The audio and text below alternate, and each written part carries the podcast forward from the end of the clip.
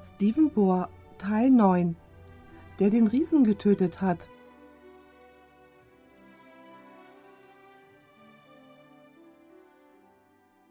Lasst uns beten. Unser Vater im Himmel, wir danken dir so sehr für das Vorrecht, hier in dein Haus zur Anbetung zu kommen. Wir bitten dich, deinen Heiligen Geist über diesen Versammlungsort auszugießen, wenn wir nun dein heiliges Wort öffnen besonders wenn wir die Wunder des Buches 1. Mose studieren werden. Wir danken dir, dass du unser Gebet erhörst, denn wir bitten dies im Namen Jesu. Amen. Ich möchte unser heutiges Studium damit beginnen, indem wir diesen zentralen und sehr wichtigen Vers in 1. Mose 3, Vers 15 aufschlagen. Dieser Vers steht im Mittelpunkt dessen, was wir in diesem Seminar studieren werden. Hier spricht Gott zu der Schlange und er sagt, Und ich will Feindschaft setzen zwischen dir und dem Weibe. Das ist die Schlange und die Frau. Und zwischen deinem Samen und ihrem Samen derselbe. Das ist der Same der Frau. Soll dir den Kopf zertreten, und du wirst ihn in die Ferse stechen. Nun seht ihr hier, dass gemäß der Prophezeiung der Same der Frau den Kopf der Schlange zertreten wird. In unserem heutigen Studium werden wir diese Geschichte zerlegen, wo von dem Todesstoß die Rede ist. Es ist keine Geschichte aus 1. Mose. Eigentlich finden wir sie in 1. Samuel Kapitel 17. Es ist die berühmte Geschichte von David und Goliath, die wir bestimmt schon als Kinder gehört haben, wenn wir inzwischen Erwachsene sind. Es ist eine eindrucksvolle Geschichte, eine Geschichte, wo David entgegen aller Erwartungen diesen scheinbar unbesiegbaren Riesen überwindet und besiegt. Ich möchte jetzt mal diese Geschichte durchgehen. Ich werde nicht alle Verse lesen, aber es gibt gewisse Punkte in diesem Kapitel, die ich unterstreichen möchte, weil sie für das wichtig sind, worüber wir in der zweiten Hälfte unseres gemeinsamen Studiums sprechen werden. Zuerst einmal möchte ich erwähnen, dass als diese Geschichte stattfand, Saul König von Israel war. Jedoch, wenn ihr 1. Samuel 15, Vers 26 lest, dann werdet ihr entdecken, dass Saul wegen seines Ungehorsams schon von Gott gesagt bekommen hatte, dass er abgesetzt werden würde. Anders ausgedrückt, Saul sollte also wegen seines Ungehorsams nicht mehr länger König über Israel sein. Nun, in diesem Zusammenhang finden wir, dass Israel eine Niederlage nach der anderen durch die Philister, ihrer Erzfeinde, erlitten hat, und nur weil Saul ungehorsam war. Ihr könnt das in 1 Samuel 15 und 16 nachlesen. In der Tat hat Israel in fast jedem einzelnen Krieg mit den Philistern Grund und Boden verloren, genauso wie die Kriege, und das nur wegen dem Ungehorsam von Saul. Mit anderen Worten, Israel brauchte jemanden, der das Königreich wiederherstellen würde, das durch Saul verloren gegangen ist. Israel brauchte einen Meister, um das wiederzugewinnen, was verloren ging, weil sie jüngst so heftig in all ihren Kriegen geschlagen worden sind. In diesem Zusammenhang befand sich Israel in einem gewissen Tal. Die Armeen von Israel auf der einen Seite des Tals und die Armee der Philister auf der anderen Seite, und sie bereiteten sich auf den Krieg vor. Auch Israel bereitete sich dafür vor, und die Bibel erzählt uns, dass aus der Armee der Philister solch ein Kämpfer hervorkam, dass sie seinesgleichen in all ihren Erfahrungen noch nicht gesehen hatten. Dieser Kämpfer wird in 1. Samuel 17, Verse 4 bis 7 beschrieben. Hier finden wir die folgenden Worte.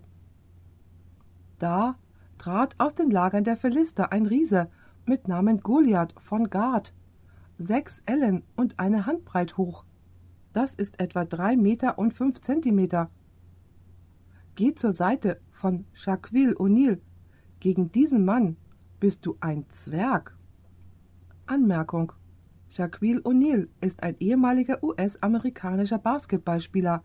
Er ist 2,16 Meter groß, hat Schuhgröße 52 und wiegt 147 Kilo. Anmerkung Ende. Stellt euch mal vor, drei Meter groß.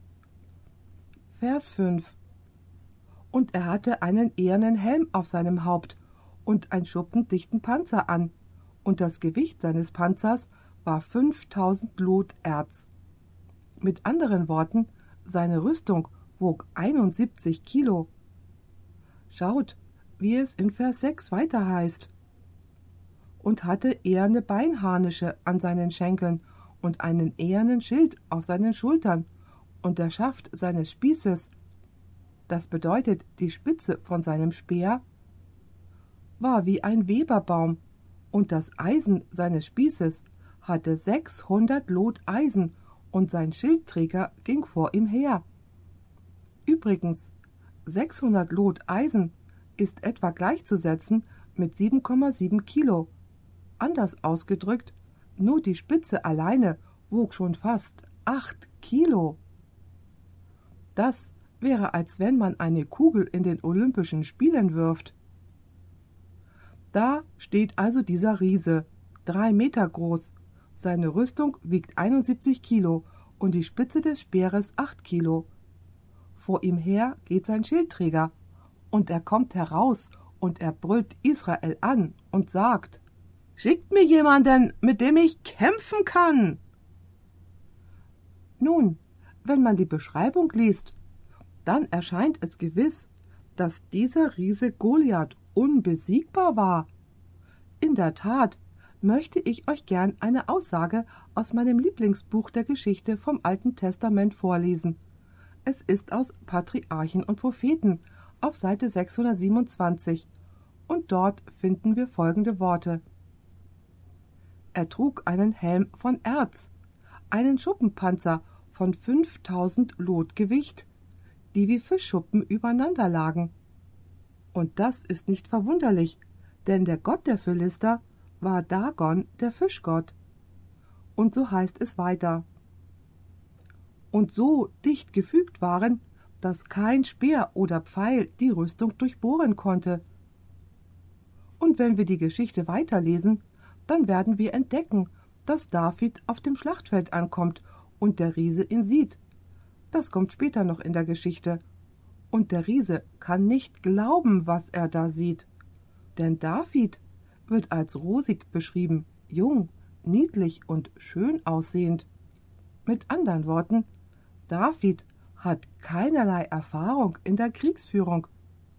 In der Tat hat König Saul zu David gesagt, als dieser gewillt war, gegen den Riesen zu kämpfen.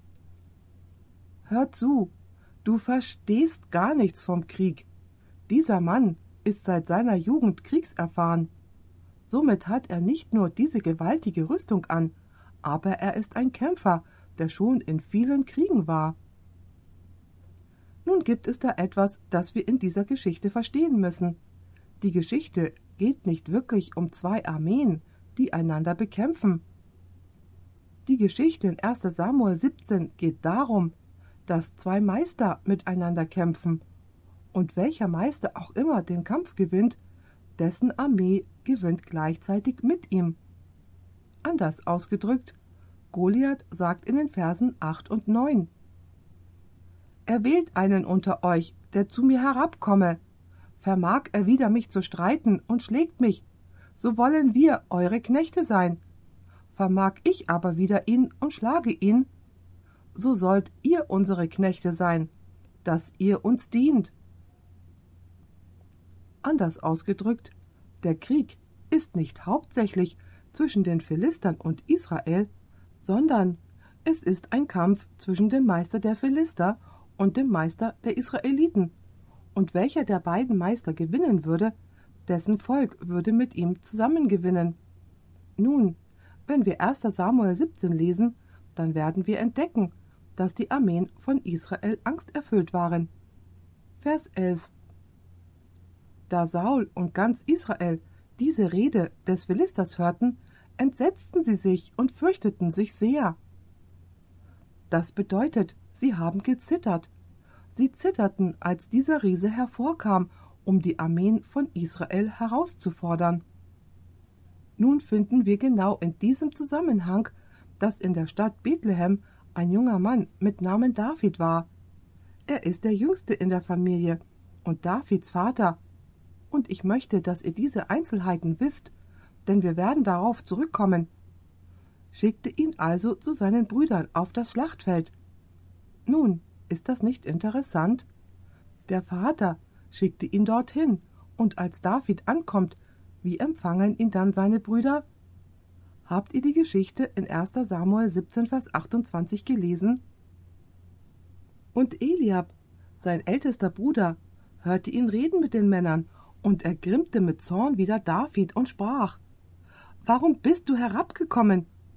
Und wem hast du die wenigen Schafe dort in der Wüste gelassen? Ich kenne deine Vermessenheit wohl und deines Herzens Bosheit, denn du bist herabgekommen, dass du den Streit sehest.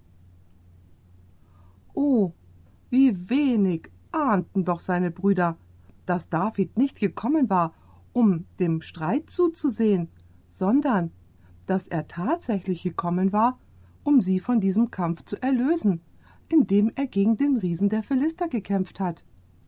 Mit anderen Worten, er wurde von seinem Vater aufs Schlachtfeld zu seinen Brüdern geschickt, und er wurde ganz und gar von ihnen missverstanden. Nun, wisst ihr, wer wirklich gegen den Riesen hätte kämpfen sollen?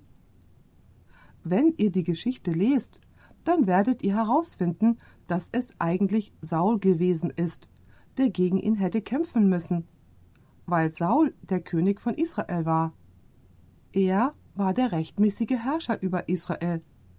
Natürlich hatte Saul wegen seines Ungehorsams einen Krieg nach dem anderen verloren.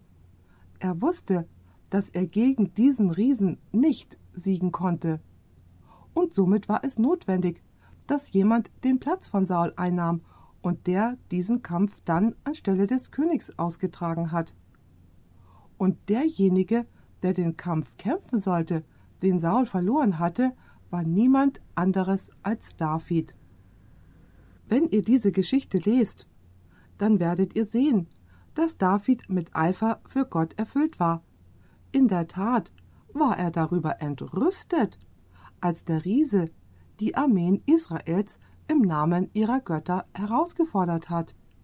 Denn in 1. Samuel 17, Vers 26 fragt David: Denn wer ist der Philister, dieser Unbeschnittene, der das Heer des lebendigen Gottes höhnt?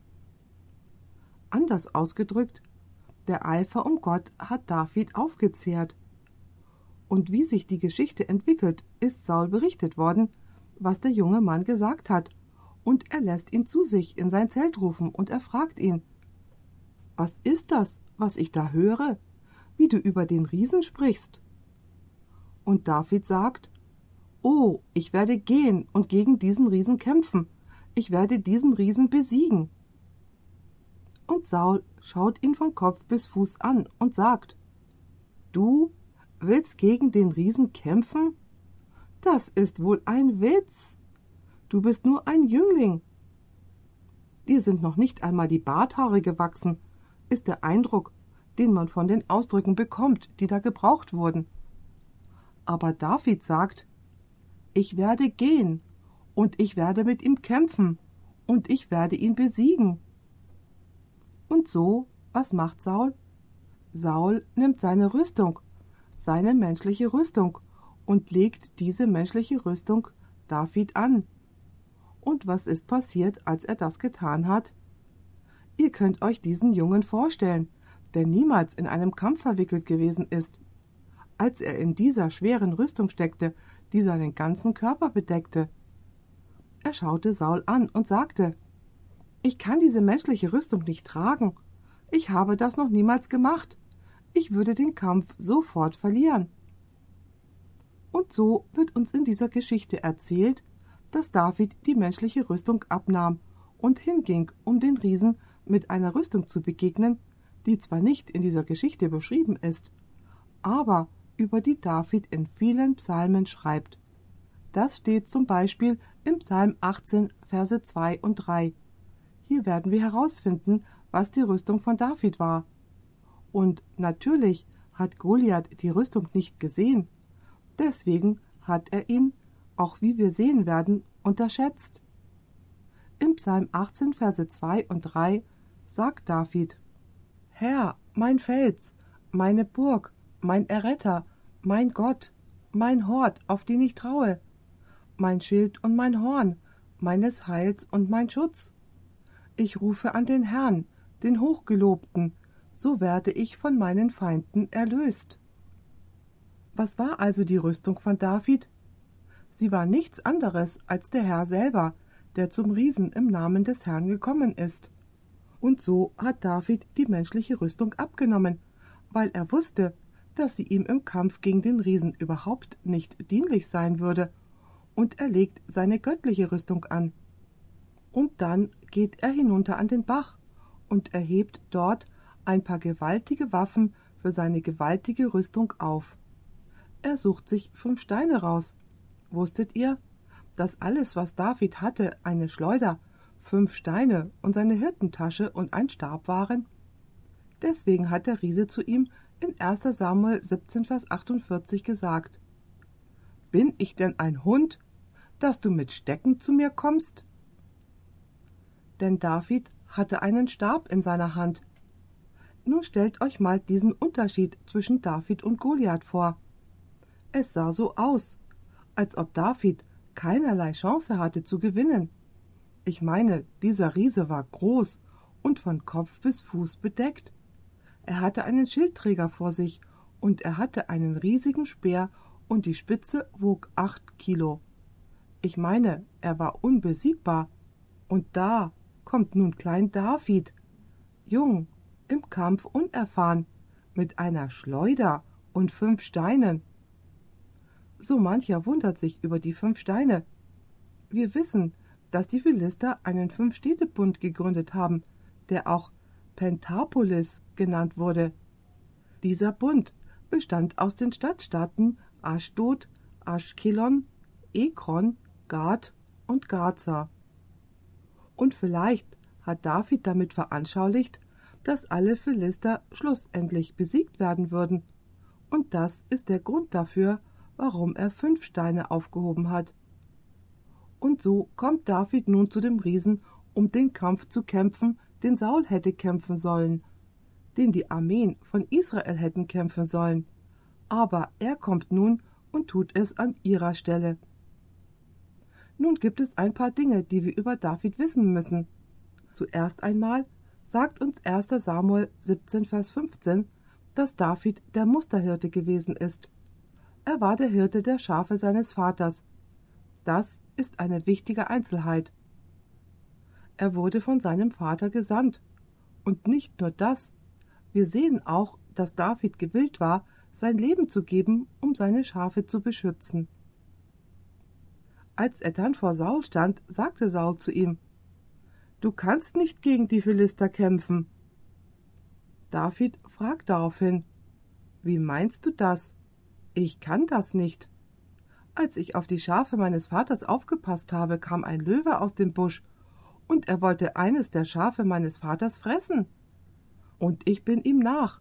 Ich habe ihn ergriffen und sein Maul aufgerissen und ihm den Kiefer gebrochen und das Lamm aus seinem Rachen befreit. Ein anderes Mal kam ein Bär, und ich bin hinter dem Bär her und habe mit dem Bär gekämpft und habe das Lamm aus seinem Rachen befreit. Und diesem unbeschnittenen Philister wird es genauso ergehen. David war also ein sehr mutiger Schäfer. Er hat sich wirklich um die Schafe seines Vaters gekümmert. Er wurde von seinem Vater gesandt, um auf dem Schlachtfeld gegen diesen Riesen zu kämpfen und den Sieg zu erringen. Es gibt da noch weitere interessante Dinge über David. David war zu diesem Zeitpunkt schon zum König gesalbt worden. Wusstet ihr, dass er tatsächlich schon gesalbt gewesen ist, bevor er gegen Goliath gekämpft hat?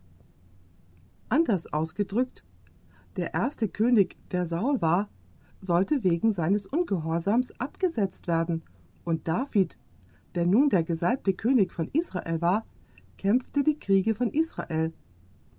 Er war der Musterkönig, er war der Musterhirte. In der Tat finden wir, dass David in Bethlehem Ephrata geboren worden ist.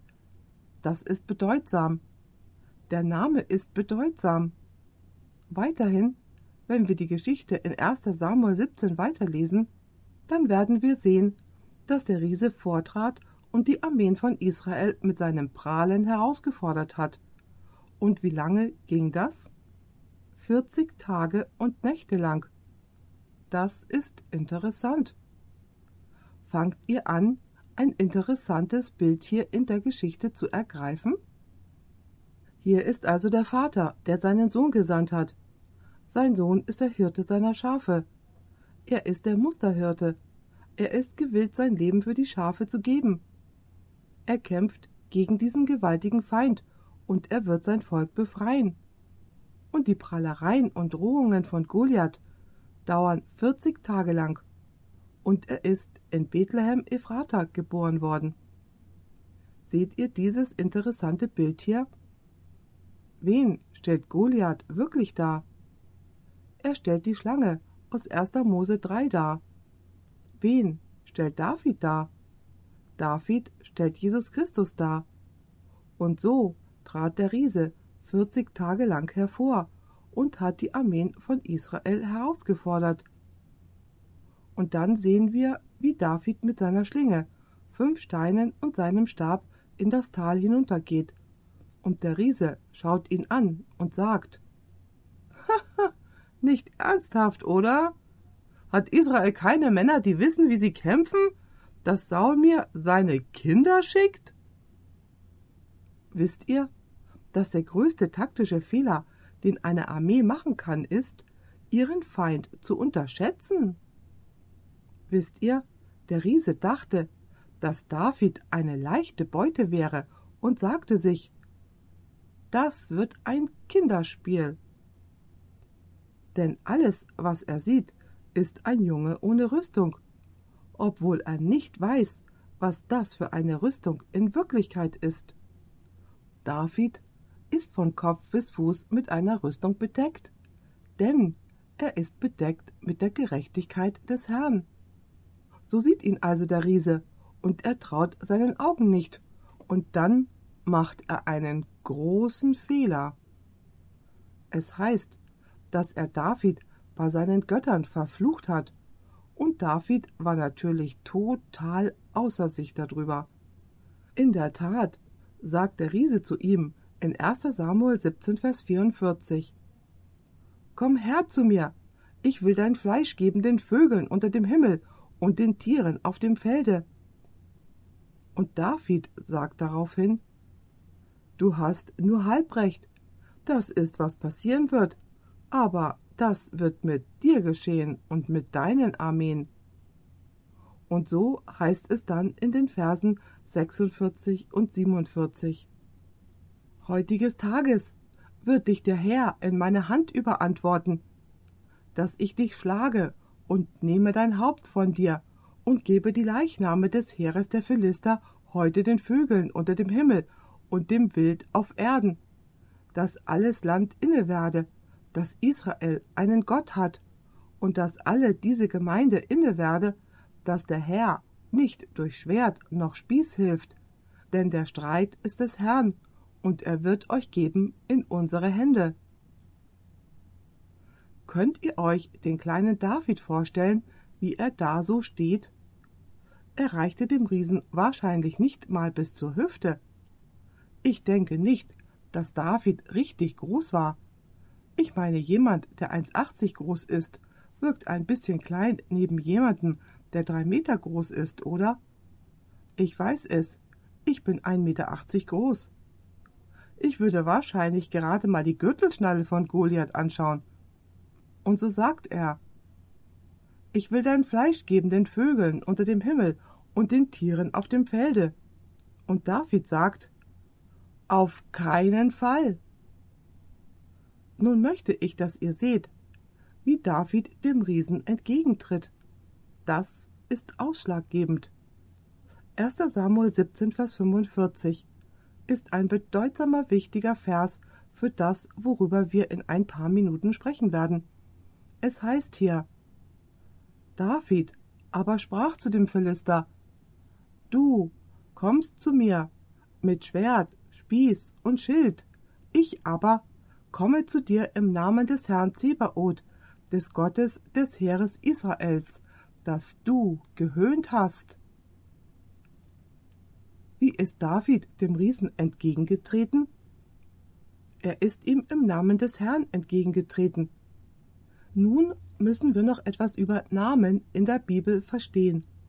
Wenn man den Namen von jemandem benutzt, dann ist es, dass man sich auf die Vollmacht dieser Person beruft.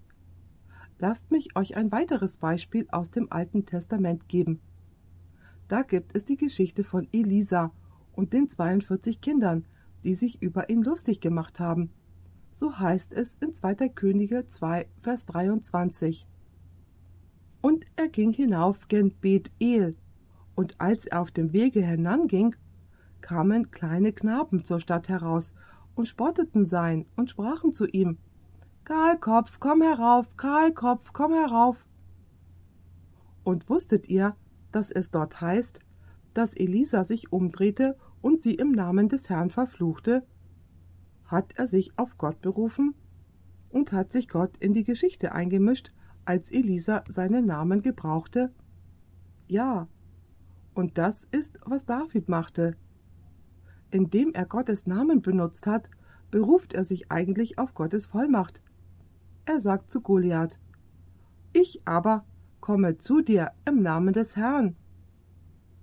Es ist so, als ob der Herr diesen Kampf ausficht, und ich möchte, dass ihr beachtet, dass diese Version des Krieges nicht so ist wie eine Hollywood-Verfilmung, da, wo David strategisch zurückweicht von einer Seite zur anderen und zurück.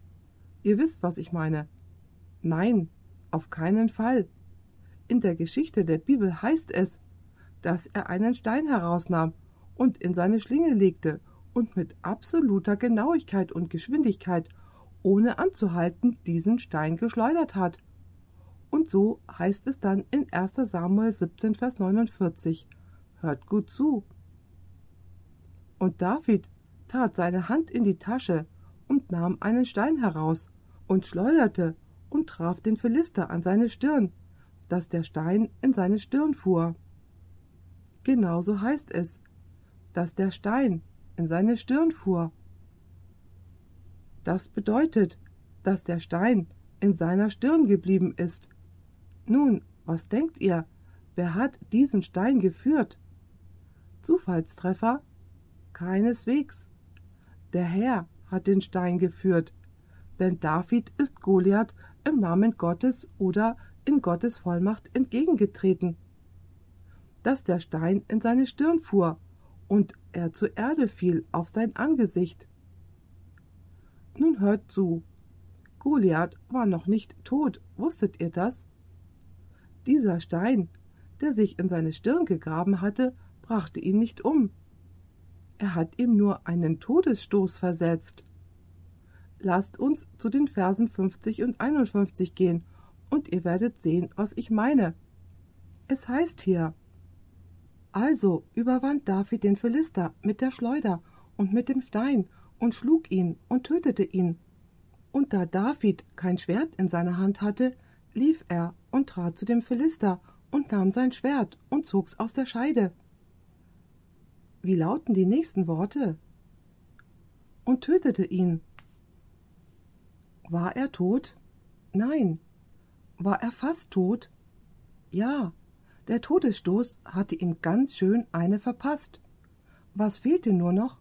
Seinen Kopf abzutrennen. So heißt es in Vers 51. Und hieb ihm den Kopf ab. Da aber die Philister sahen, dass ihr Stärkster tot war, flohen sie. Übrigens, wenn man eine Schlange tötet? Wie muss man das tun? Sie überfahren? Nun, ich muss daran denken, als ich manchmal in Südamerika mit meinem Vater über diese Dschungelstraßen gefahren bin. Und als da eine Schlange hervorkam, ist mein Vater über sie drüber gefahren. Und wisst ihr, was passiert ist?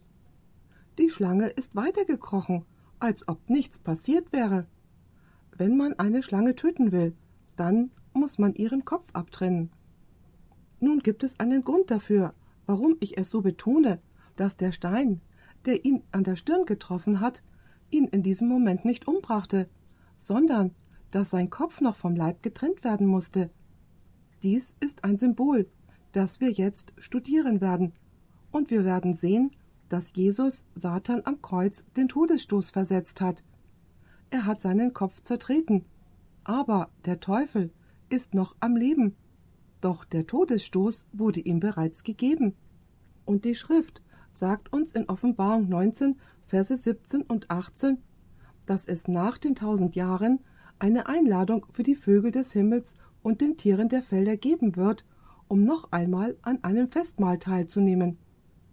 Und ich sah einen Engel in der Sonne stehen, und er rief mit großer Stimme und sprach zu allen Vögeln, die unter dem Himmel fliegen Kommt und versammelt euch zu dem Abendmahl des großen Gottes, dass ihr esset das Fleisch der Könige und der Hauptleute und das Fleisch der Starken und der Pferde und derer, die darauf sitzen, und das Fleisch aller Freien und Knechte, der Kleinen und der Großen.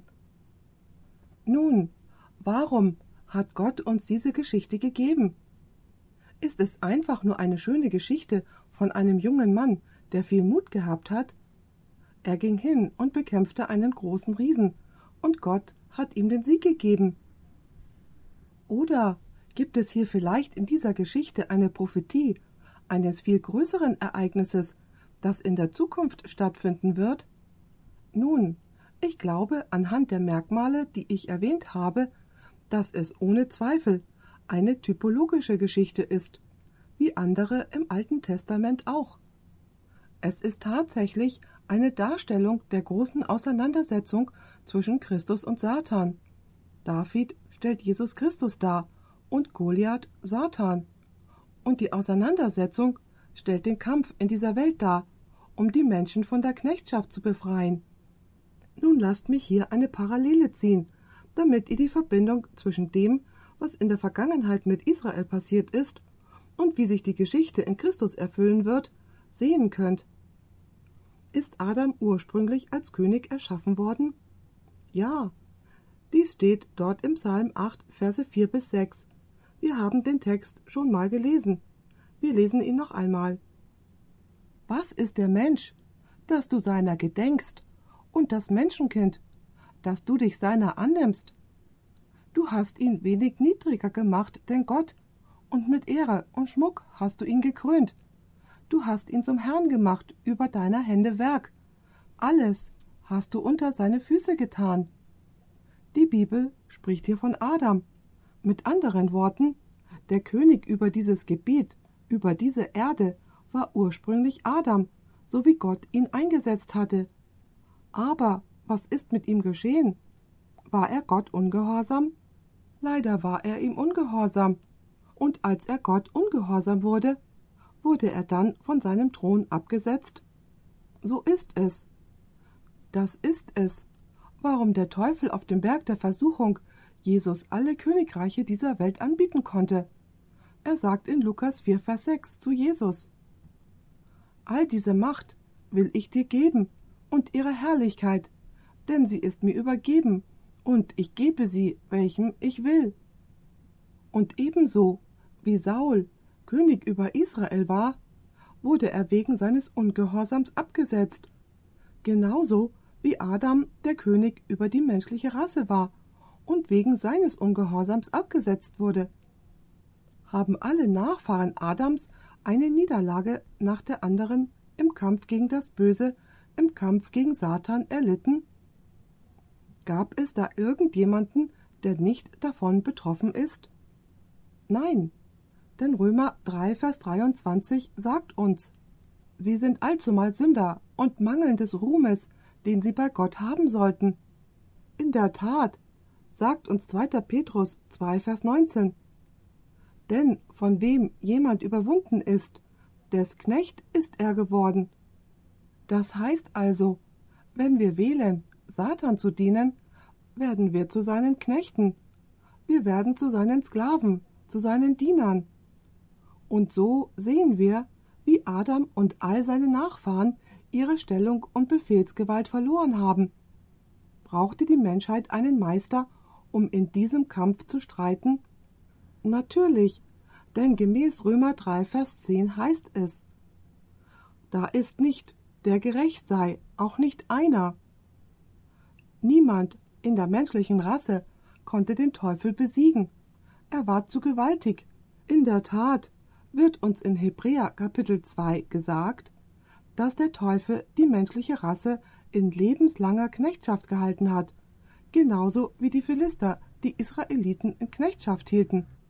Es heißt hier in den Versen 14 und 15 Nachdem nun die Kinder Fleisch und Blut haben, ist er dessen gleichermaßen teilhaftig geworden, auf dass er durch den Tod die Macht nehme dem, der des Todes Gewalt hatte, das ist dem Teufel, und erlöste die, so durch Furcht des Todes im ganzen Leben Knechte sein mussten.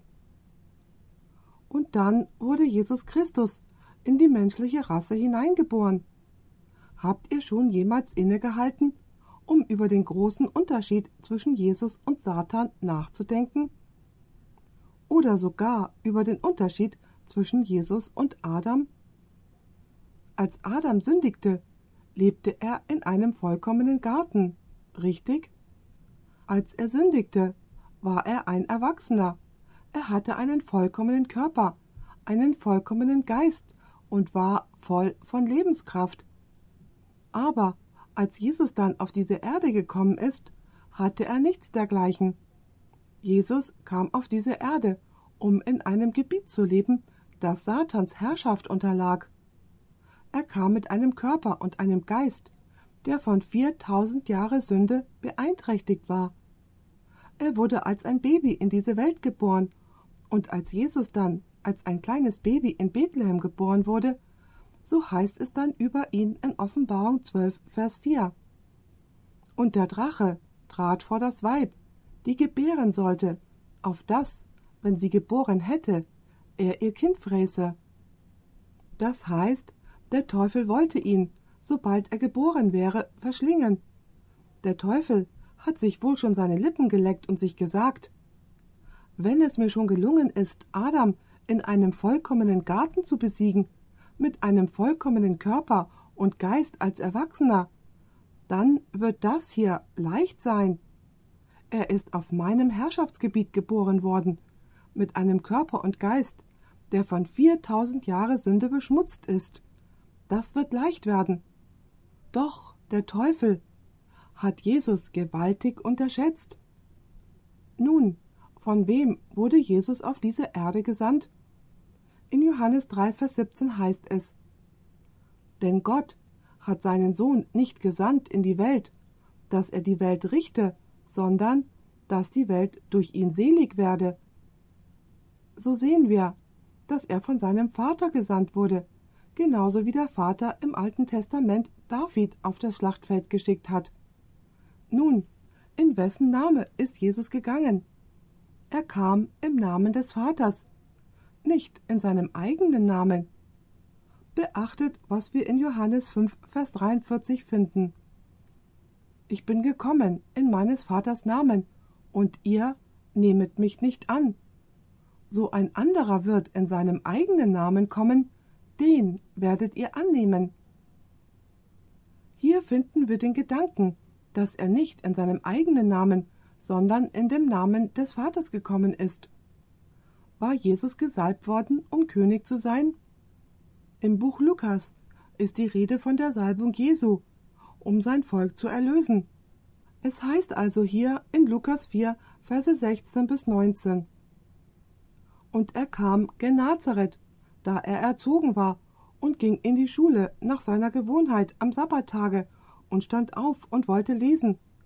Da ward ihm das Buch des Propheten Jesaja gereicht. Und da er das Buch auftat, fand er den Ort, da geschrieben steht: Der Geist des Herrn ist bei mir, darum, dass er mich gesalbt hat. Er hat mich gesandt, zu verkündigen das Evangelium den Armen, zu heilen die zerstoßenen Herzen, zu predigen den Gefangenen, dass sie los sein sollen, und den Blinden das Gesicht und den Zerschlagenen, dass sie frei und ledig sein sollen, und zu verkündigen das angenehme Jahr des Herrn. So wurde Jesus zum König gesalbt Ja, er wurde gesalbt, um der Erlöser für Israel zu sein. Wie aber haben ihn seine Brüder aufgenommen? Er wurde auf das Schlachtfeld geschickt. Wie empfingen ihn seine Brüder? In Johannes 7, Vers 5 wird uns über die Behandlung berichtet, die er erhalten hat. Es heißt hier, denn auch seine Brüder glaubten nicht an ihn. Fangt ihr an, hier eine Parallele zwischen den beiden Geschichten zu sehen? Von seinem Vater gesandt, nicht in seinem eigenen Namen. Er kam auf das Schlachtfeld dieser Welt, wo der ursprüngliche König seine Machtstellung verloren hatte und wurde von Satan unterschätzt. Übrigens veranschaulicht die Bibel den Gedanken über die zwei Adams, den ersten und den letzten Adam? Macht der letzte Adam das wieder gut, was der erste Adam vermasselt hat? 1. Korinther 15, Vers 45 sagt, wie es geschrieben steht, der erste Mensch, Adam, war zu einer lebendigen Seele und der letzte Adam zum Geist, der da lebendig macht. Mit anderen Worten, Jesus kam, um den Platz von Adam einzunehmen, der seinen Thron verloren hatte, genauso wie David kam, um die Stelle von Saul einzunehmen, der ihn ebenso verloren hatte. Beide wurden gesalbt. Und übrigens, wusstet ihr, dass die Bibel sagt, dass Jesus aus dem Haus Davids, dem König von Israel war? In der Tat, gibt es ein paar sehr, sehr interessante Prophezeiungen im Buch Hesekiel. Lasst uns da ein paar anschauen. Geht mit mir zu Hesekiel 37, Vers 24. Dies ist eine sehr interessante Prophezeiung, weil sie ungefähr 400 Jahre nach David geschrieben worden ist, und da lebte er ja nicht mehr. Aber diese sehr interessante Prophezeiung wurde über David gemacht, es heißt hier in Hesekiel 37, Vers 24. Und mein Knecht David soll ihr König. Zu diesem Zeitpunkt war David ja schon 400 Jahre tot. Und ihrer aller einiger Hirte sein. Was würde David sein, wenn er sich wieder erheben würde? Ein Hirte. Und sie sollen wandeln in meinen Rechten und meine Gebote halten und danach tun. Nun lasst uns Hesekiel Kapitel 34, Verse 23 und 24 ansehen. Hier ist die Rede über die Zeit nach der Gefangenschaft. So heißt es hier. Und ich will ihnen einen einigen Hirten erwecken, der sie weiden soll, nämlich meinen Knecht David. Der wird sie weiden und soll ihr Hirte sein, und ich, der Herr, will ihr Gott sein. Aber mein Knecht David soll der Fürst unter ihnen sein. Das sage ich, der Herr.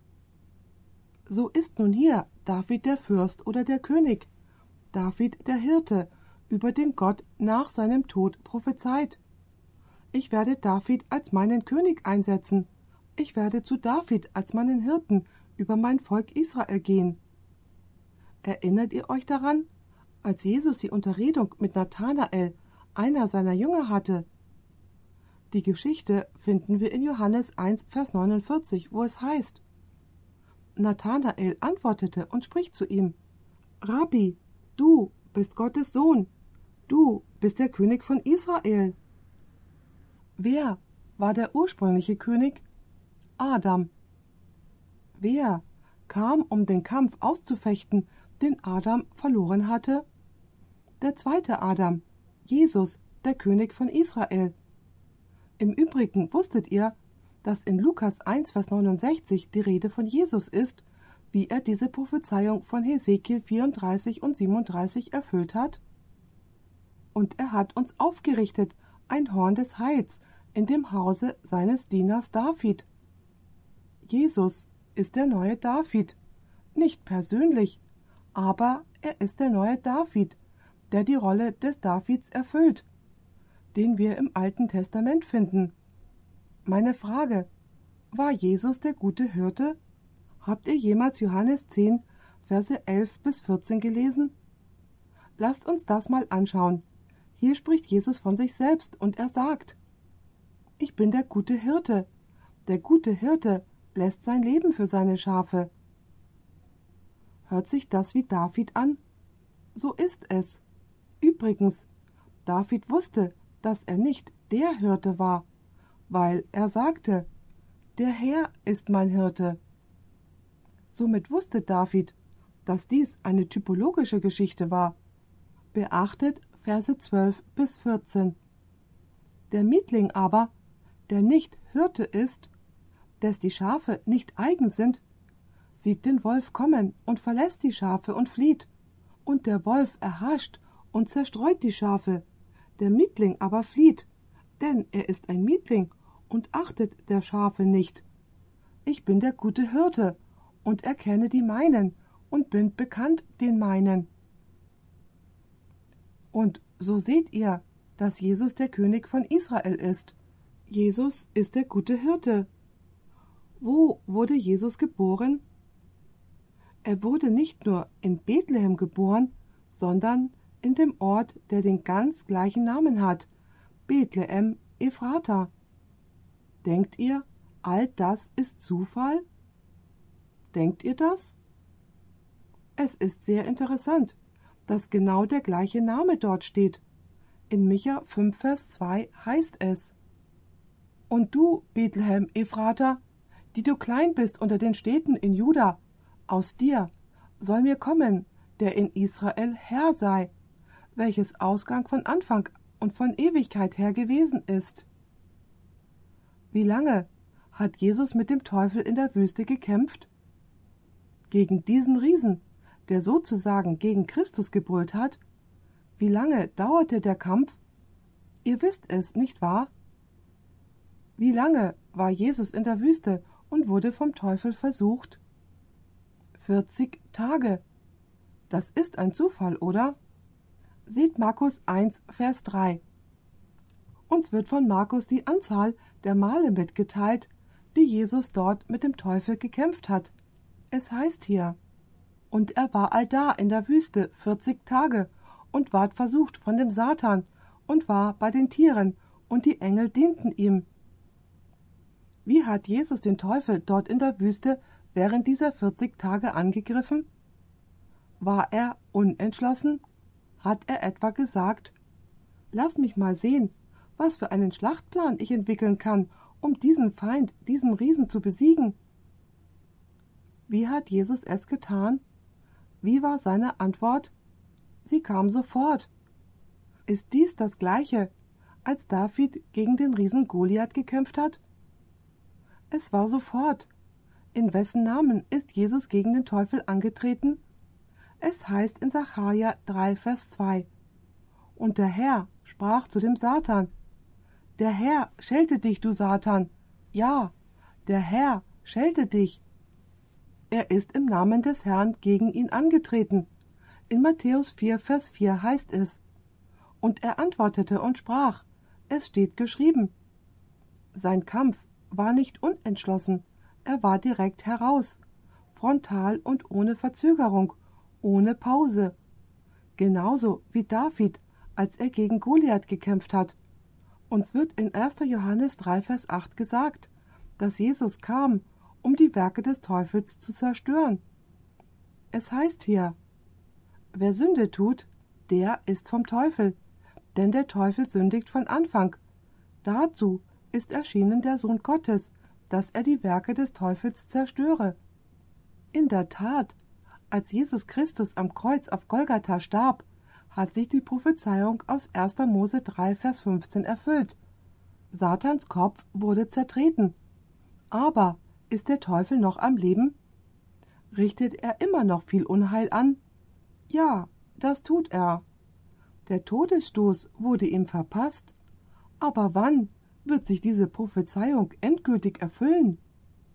Wie die Handschrift an der Wand bei Belsazar in Daniel 5, Vers 5 für seinen Untergang stand, so steht sie auch an der Wand für Satan. Der Todesstoß ist ausgeteilt worden. Was fehlt nur noch? Das ist seine endgültige Vernichtung. In Offenbarung 20, Vers 10 heißt es: Und der Teufel, der sie verführte, ward geworfen in den feurigen Pfuhl und Schwefel, da auch das Tier und der falsche Prophet war. Wird sich die Szene aus diesem kleinen Tal auf einer weltweiten Ebene wiederholen? Ja, das wird sie. Und Satan, der Feind, wird schließlich und ganz bestimmt vernichtet werden. Nun möchte ich noch einen Punkt anschauen, bevor wir zum Ende kommen. Ihr sagt vielleicht, okay, Pastor, es gibt da eine Parallele zwischen David und Jesus, so wie Goliath und Satan. Jesus hat jede Vorgabe erfüllt. Er wurde von seinem Vater gesandt. Er ist der gute Hirte. Er ist der König von Israel. Er nimmt den Platz des ersten Königs ein, der seine Stellung wegen seines Ungehorsams verloren hatte. Er wurde in Bethlehem, Ephrata, geboren. Der Kampf dauerte 40 Tage. Alles schön und gut. Aber wie betrifft mich das? Welchen Unterschied macht das?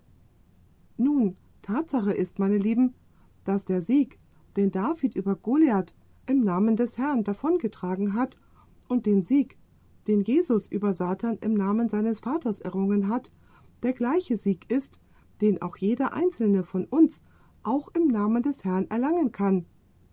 Nun erlaubt mir dies ein bisschen zu verstärken. Geht mit mir zu 2. Korinther 10, Verse 3 und 4. Haben wir heute noch Waffen, mit denen wir den Kampf kämpfen müssen? Ist euch aufgefallen, dass wir am Anfang sozusagen zwei Kriegslieder gesungen haben? Onward Christian Soldiers. Übersetzt heißt das Vorwärts, christliche Soldaten. Dieses alte Lied, das wir kaum noch singen. Ich weiß nicht warum. Oder das Lied. Sound the battle cry. Übersetzt heißt das, lasst den Kampfesruf erklingen. Ihr wisst, dass wir in einem Krieg drin stecken, oder nicht? Nun schlagt 2. Korinther 10, Verse 3 und 4 auf. Hier finden wir diese Worte. Denn, ob wir wohl im Fleisch wandeln, das sind wir als menschliche Wesen. So streiten wir doch nicht fleischlicherweise, denn die Waffen unserer Ritterschaft sind nicht fleischlich. Das bedeutet, sie sind nicht menschlich. Sie sind nicht wie die Rüstung, die Saul David angelegt hat, sondern mächtig vor Gott, zu zerstören Befestigungen. Haben wir Zugang zu diesen mächtigen Waffen? Was meint ihr? gemäß dem, was da steht. Ja. Nun, was ist die mächtigste Waffe, die wir heute haben? Es ist die gleiche Waffe, die David hatte, und das ist der Name des Herrn. Erinnert ihr euch, als Johannes und Petrus in Apostelgeschichte 3 in den Tempel gegangen sind und sie diesen Gelähmten gefunden und ihn geheilt und seine Beine wiederhergestellt haben? Die religiösen Leiter kamen zu ihnen und fragten sie in Apostelgeschichte 4, Vers 7. Aus welcher Gewalt oder in welchem Namen habt ihr das getan? Womit wird der Name gleichgesetzt? Der Name wird mit der Vollmacht gleichgesetzt. Das bedeutet also, dass Johannes und Petrus oder irgendeiner der Apostel den Namen Jesu angerufen haben, dass sie sofort die Vollmacht Jesu hatten können wir das auch heute noch? Wie steht es damit, wenn wir versucht sind zu rauchen oder Drogen zu nehmen, wenn wir in Versuchung stehen, unsere Beherrschung zu verlieren? Gibt es immer noch Macht? Glaubt ihr das? Wo ist sie? Im Namen Jesu. Wir können den Zerstörer zurechtweisen. Wir können dem Teufel sagen, bist du nicht derjenige, der alles am Kreuz verloren hat? Nun, ich rufe den Namen des einen an, der dich besiegt hat, damit sein Sieg von damals jetzt zu meinem Sieg wird. In der Tat sagt Jesus in Johannes 14, Verse 13 und 14. Und was ihr bitten werdet in meinem Namen, das will ich tun, auf dass der Vater geehrt werde in dem Sohne. Was ihr bitten werdet in meinem Namen, das will ich tun. Was bedeutet, was ihr bitten werdet? Nun, das bedeutet nicht, wenn ihr um einen nagelneuen Cadillac bittet, dass er ihn euch geben wird. Was es bedeutet ist, dass ihr in euren geistlichen Kämpfen und worum ihr Jesus in seinem Namen bittet, er es erfüllen wird, weil ihr seine Vollmacht anrufen könnt. Ich möchte euch ein Beispiel erzählen. Ich bin in Südamerika in die Hauptschule gegangen. Wisst ihr, der Herr hat mich nicht mit einem Bruder gesegnet, aber mit drei Schwestern.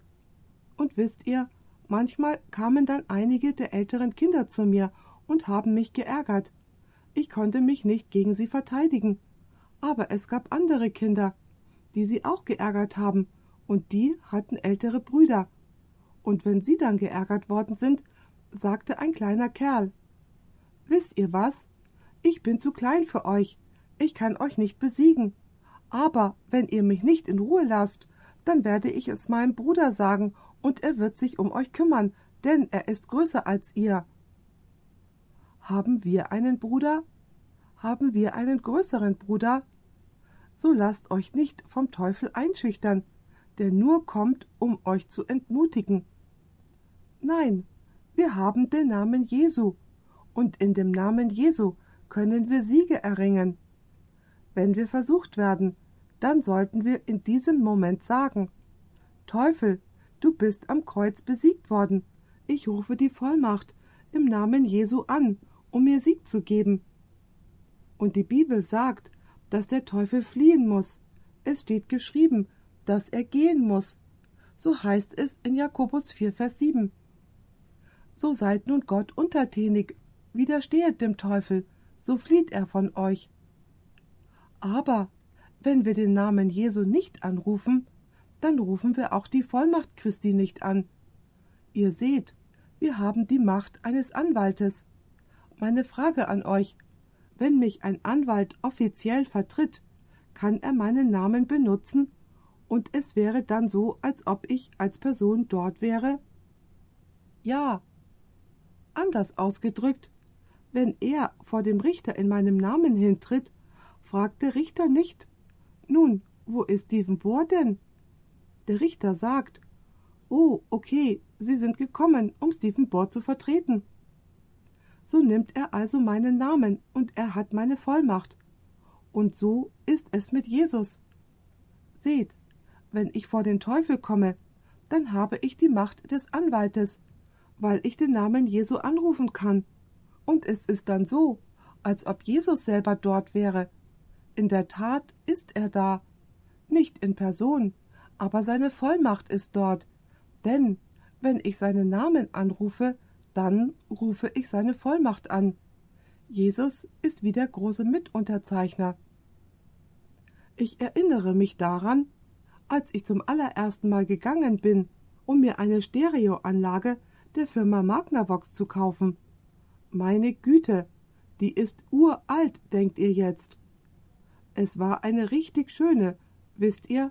Sie war in einer großen Vitrine drin, und die Vitrine war eigentlich schöner als die Stereoanlage, aber die hat so was um die 350 Dollar gekostet und ich hatte sie für viele, viele Jahre. Als ich dann das erste Mal zu diesem Geschäft gegangen bin, sagte ich dem Verkäufer, dass ich sie kaufen wolle, und er fragte Nun, womit willst du bezahlen? Ich antwortete ihm Na ja, ich möchte einen Kredit. Darauf sagte er Okay, hast du eine Kreditgeschichte? Ich sagte Nein, das ist mein erstes Mal. Und er antwortete mir und sagte Nun, weißt du, wir können das für dich nicht über einen Kredit laufen lassen, weil du keine Kreditgeschichte hast. Und ich sagte Aber wissen Sie, wenn man keine Kreditgeschichte hat, wie kann man dann damit anfangen? Habt ihr dieses Problem schon mal gehabt? Ich sagte also Wissen Sie, ich möchte diese Stereoanlage kaufen, und ich muss doch irgendwo anfangen. Warum vertrauen Sie mir nicht? Er antwortete Nein, nein, wir können das nicht tun. Das können wir nicht machen. Aber es gibt da was, was du machen kannst. Gibt es jemanden, der für dich mit unterzeichnen kann? Jemanden, dessen Name Wert hat.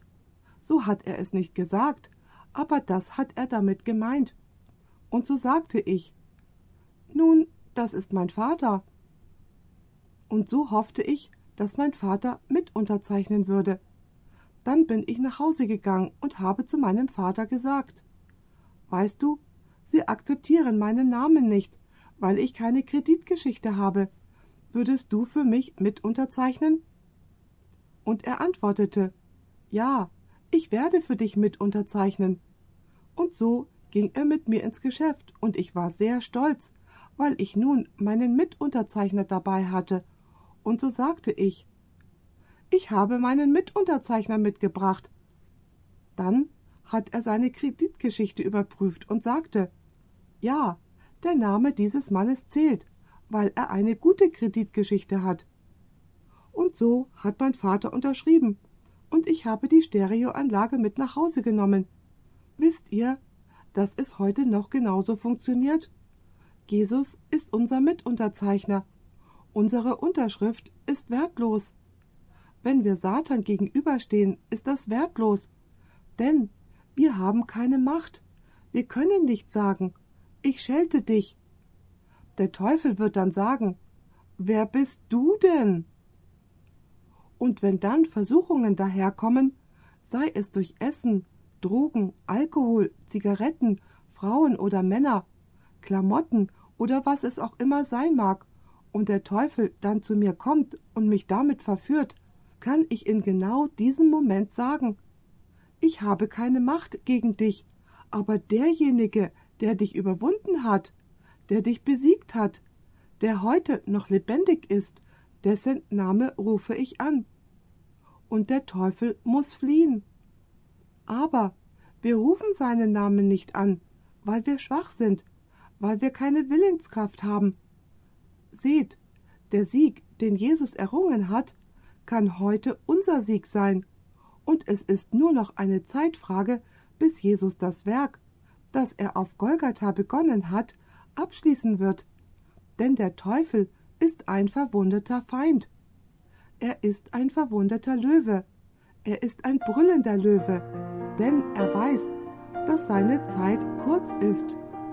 Wie steht es damit, dass wir den Namen Jesu beanspruchen und Sieg für Sieg erringen? Diese Aufnahme wurde von Audioverse präsentiert, eine Internetseite, die sich der Verbreitung des Wortes Gottes unter anderem durch kostenlose Predigtaufnahmen widmet. Für mehr Informationen über Audioverse und für weitere Predigten empfehlen wir unsere Internetseite www.audioverse.org.